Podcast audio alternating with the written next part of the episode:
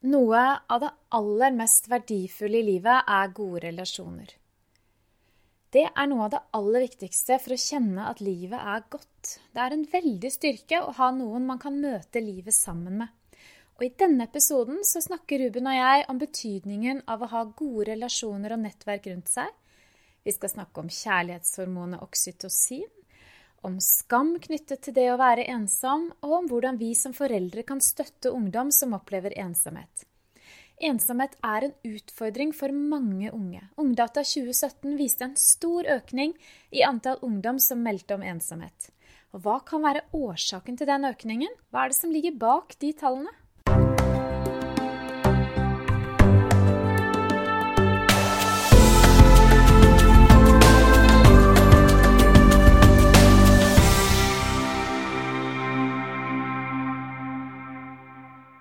Når man har forska på eh, det lange løp, man har fulgt mennesker gjennom hele livet og, og, sett på hvor mange venner man har, og hvor eh, lykkelig ekteskap man har, og, og forska konkret på hva gode eller mangelen på gode relasjoner gjør med livskvalitet og, og livslengde, så er ensomhet giftig.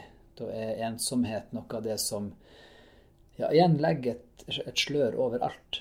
Og det, det påvirker både humøret og produktiviteten og, og dagsformen og, og, og, alt som er. Og så, eh, så, er det så vanskelig å gjøre noe med, på et vis.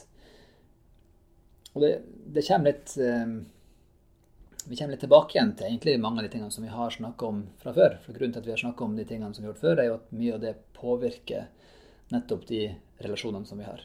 Og jeg tenker at det mest verdifulle i livet er jo gode relasjoner gode familierelasjoner, gode venner. Hvis du har det, så kan alt annet egentlig være nesten hva som helst, og du vil ha et godt liv.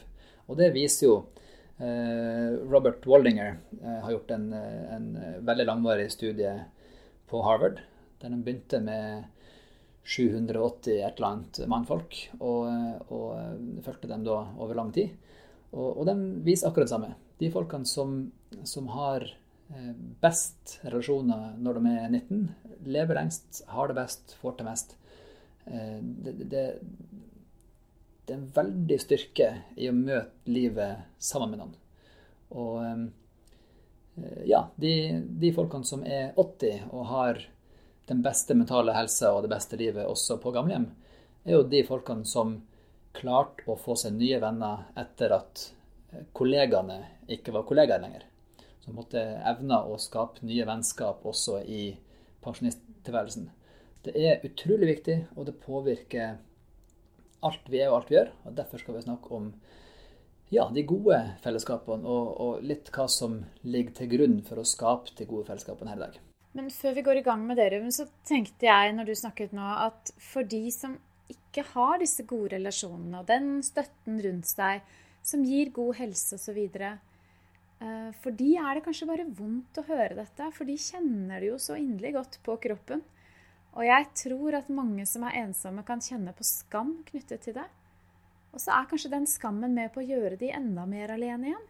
Jo, jeg tenker det er akkurat det det gjør. Jeg tenker at det er helt rett, fordi at eh, det å føle på skam vil jo nettopp føre til at man, man eh, trekker seg litt unna. Og da blir man ensom. Og da kan man sitte i rom med flere andre, men så lenge man har den hemmeligheten som man skammes over, så vil man ikke være helt en del av gjengen. Eh, så sårbarhet er en, en komponent. Skam er en komponent. Og, og, det her med avhengighet, det her med telefon og det her med de andre tingene som da også er så viktig, eh, er en komponent i det. Og så tenker jeg at jeg har lyst til å begynne med litt eh, psykologi og litt hormoner igjen. Jeg har lyst til å begynne med et eh, hormon som heter oksytocin. Man har eh, lenge visst at oksytocin er kjærlighetshormonet. Og man har, eh, man har forska på hva som fremkaller det her. og det er sånn at Første gang et nyfødt barn legges til mors bryst etter fødselen, så oversvømmes begge de hjernene av dette hormonet som heter oksytocin. Det blir kalt for kjærlighetshormonet. Også når man kysser og klemmer på partneren, eller når man eh, måte, har de gode stundene i familien, så, så produserer gjerne ekstra oksytocin. Det man òg har funnet ut, er jo at det her er tett bundet opp mot både en generell fellesskapsfølelse eh, og moral, egentlig. Men har klart å destillere oksytocin og så tappe det på nesesprayflaske. Og så har man latt folk få lov til å inhalere dette hormonet rett før de har gått på en veldedighetsauksjon. Så viser det seg at hvis folk da har inhalert oksytocin, så er de villige til å gi mer penger til veldedighet. For av en eller annen grunn så føler man da en økt tilhørighet til alle, egentlig, også fremmede. Og derfor er dette viktig. Så viser det seg at produksjonen av oksytocin den kan da altså trigges av, eh, av, klem, av gode ord, av de tingene der. Og så kan den også trigges av noe så enkelt som å vise noen tillit. Vis noen respekt. Hvis jeg viser at jeg stoler på det, enten med å fortelle en hemmelighet, eller med å la det få lov til å passe på noe som er mitt, eller et eller annet, så vil din hjerne begynne å produsere oksytocin. Derfor er det så utrolig viktig både på jobb og hjemme at vi viser hverandre tillit. At vi ikke overbeskytter, at vi ikke eh, snakker ned til noen, men at vi viser tillit. Og lar folk få lov til å, oppleve ting litt sjøl. Og så er det jo òg sånn at når det, når det gjelder da denne produksjonen av oksytocin, så har vi litt ulik, uh, ulikt utgangspunkt for det. Og så finnes det også dem som har fått skada den produksjonen. Man har funnet ut at uh, overgrepsofre eller um, ja, en del, en del uh, institusjonsbarn og sånt har fått skada den produksjonen, og dermed ikke produserer akkurat det hormonet som gjør at man føler fellesskap, føler tilhørighet. Og det tror jeg er mye av problemet når et eh, fosterhjemsbarn eh, blir flytta fra familie til familie og ikke finner seg til rette, uavhengig av hvor, hvor kjærlig den familien er. De har rett og slett ikke produksjonen av det hormonet som forteller dem at her har vi fellesskap. De gode nyhetene er at det her kan, eh, kan øves tilbake igjen. Og med mye stimuli så kan man få tilbake igjen det, så det kan fungere. Det er godt å høre. Det er en fordel. Mm. Men så tenker jeg at, at Litt sånn gitt alt det vi har snakka om før, både med, med, sårbarhet og med følelser og med søvn og alt sammen, så er det jo de tingene som ligger til grunn for et godt fellesskap. Det å, å møte verden med åpenhet. Det å være åpen både egne og andres eh, eh, ja, svakheter. Det å, å velge å være en venn også når vennskapet kanskje ikke gir det så mye. Det å, å lære seg å snakke gjennom kleine stillheter eller vanskelige tema eller uenighet med dine venner i stedet for å flykte inn i telefonen eller bare finne seg en ny venn som er enig med deg. Det å bygge vennskap som hold er utrolig viktig for, for, for livet og for fremtida og for alt det du gjør. Og jeg tror at litt av det som er vanskelig i dag, er jo for det første at eh, disse telefonene som vi går og bærer på, gjør at vi ikke øver på å danne skikkelig gode relasjoner. For det første så er vi raske til å flykte inn i en eller annen verden i stedet for å, å stå i en situasjon og se vennene våre i nevene og snakke gjennom de tingene som skjer. For det andre så er vi eh, ja, vi, er raske til å, å bli distrahert. Um, og så har du dette her eh, begrepet 'fear of missing out'. At uh, vi er så redd for å gå glipp av noe. Derfor må vi være på telefonen også, så vi får med oss alt som skjer med alle. Mens det som egentlig skjer, er jo da at vi går glipp av alt som skjer i livet vårt, fordi at vi ikke får med oss det som skjer her og nå heller. Det var forska på at, uh, at uh, ungdom oppgir at de har mye, mye venner. Mange venner. Og man oppgir at man finner på mye gøy sammen. Men at hvis jeg er invitert til bursdagsfest, og alle ser dem kommer, så er det helt akseptert at hvis det dukker opp en bedre fest, så drar de dit stedet. Og det er rart, Der ligger det jo litt av den ensomhetskomponenten. Jeg har ingen jeg virkelig kan stole på. Jeg har ingen jeg kan Ingen jeg veit er der for meg uansett. Ingen som setter meg først. Eh, andre komponenten er jo at når vi har telefoner som gir oss muligheten til å ha kontakt hele tida, så har vi skapt en ny form for ensomhet. Der vi tidligere var på skole sammen, og så var man på fotballtrening sammen, og så får man hjem, og så har man ikke muligheten til å ha kontakt. da var liksom relasjonen i løpet av kvelden og til neste morgen på skolen den samme som den var på fotballbanen. Da, da, kunne ikke den utvikle seg. Mens nå så har jo alle mine venner mulighet til å ta kontakt med meg hele kvelden. Og når de da ikke gjør det, så må det være noe galt med meg. For de, hvis de var utrolig glad i meg, så hadde de jo tatt kontakt. Og så har vi plutselig skapt en ny form for ensomhet som ikke fantes før. For før så hadde vi ikke muligheten til å ha den kontakten hele veien. Og det er også en del av det. Altså måler vi jo i mye større grad på sosiale medier. I ja. form av likes og antall, antall, venner du har streak med. Mm. Og det er mye mer målbart enn det var tidligere. Så det, det gir jo større mulighet for sammenligning. Ja, og problemet er jo at de målene som vi har, måler egentlig ingenting. De måler jo ikke kvaliteten på vennskapene dine i det hele tatt. De måler egentlig bare hvor eh, radikale bilder du legger ut. Eller eh, ja, i beste fall eh, hvor bra du ser ut. Men knapt nok det. Og det, det fører jo til en forvrengning av dette her fellesskapsbegrepet. Og, og igjen, det gir en sånn illusjon av fellesskap uten man egentlig har fellesskap. Fordi at det er til syvende og sist denne produksjonen av oksytocin som gir følelsen av fellesskap. Og det er ikke det du får når du får likes. Da blir det mer en sånn avhengighetsskapende spiral. Da er det helt andre ting som styrer den, enn den gode eh, fellesskapsfølelsen du kjenner på når du ser noen i øynene og, og, har de tingene der live. Så tenker jeg òg at det er altfor mye fokus på sex for tida. Eh, at det er så mye fokus på, på, kropp, men jeg er så redd for at hvis jeg ikke har store nok pupper, så kan ikke jeg være ei god kone. Og, og er så fokusert på eh, ja, på, på utseendet, de tingene der. Og så har jo det virkelig ingenting å si. Og så, er, så, så, blir man gift, og så er det egentlig bare dumt i et samliv å, å skulle føle på skam eller føle på usikkerhet i forhold til utseende på kjønnsorgan, eller hva man nå snakker om for tida. Fordi at da, igjen, da blir den her sårbarheten som legger et bånd på fellesskapet. Da blir det skammen som legger en demper på fellesskapet. Så det blir egentlig bare oppsummering av det vi har sagt eh, så langt.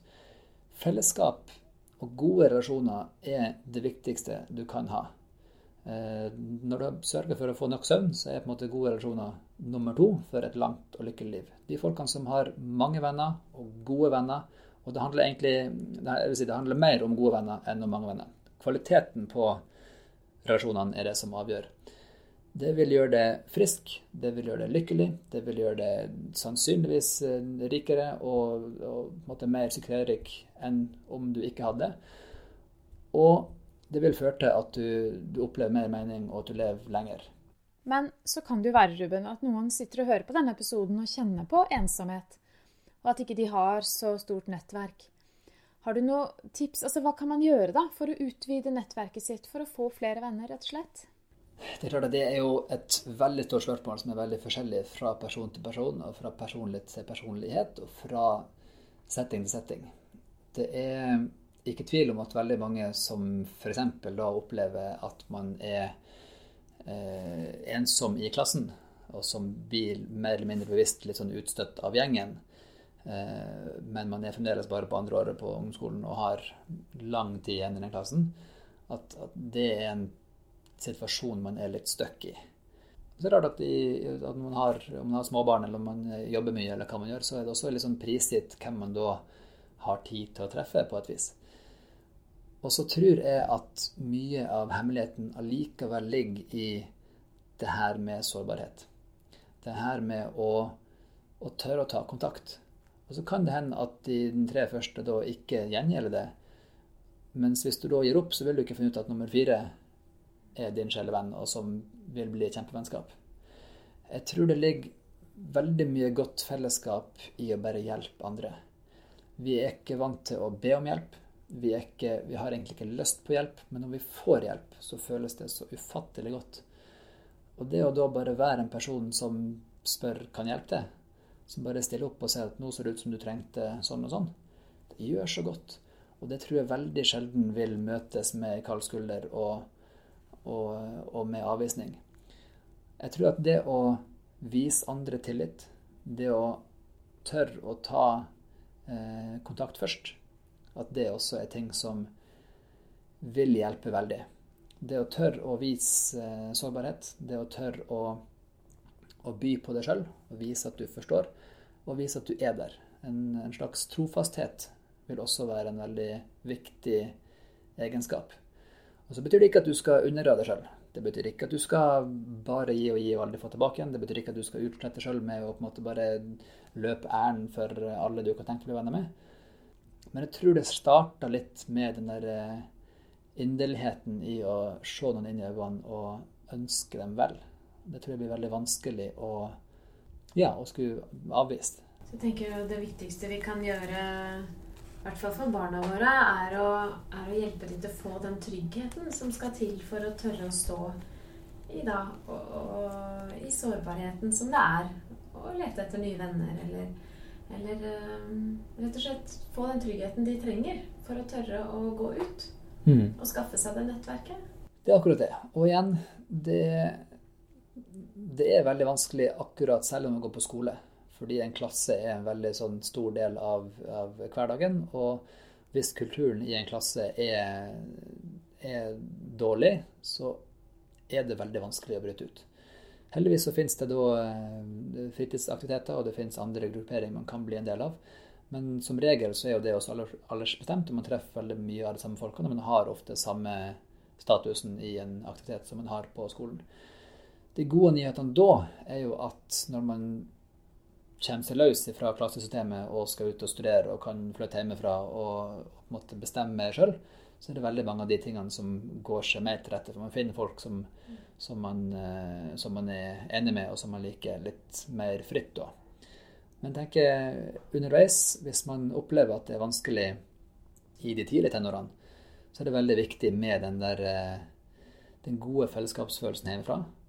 Um, veldig viktig med å få påfyll av både kjærlighet og oksygen og de tingene der. Um, og så tenker jeg at det å, sier, det å hjelpe dem å stå stødig og være bevisst hva som da er eh, viktig og ikke viktig, og hjelpe dem å se stort på det, eh, utrolig vanskelig, men det er det beste vi kan gjøre.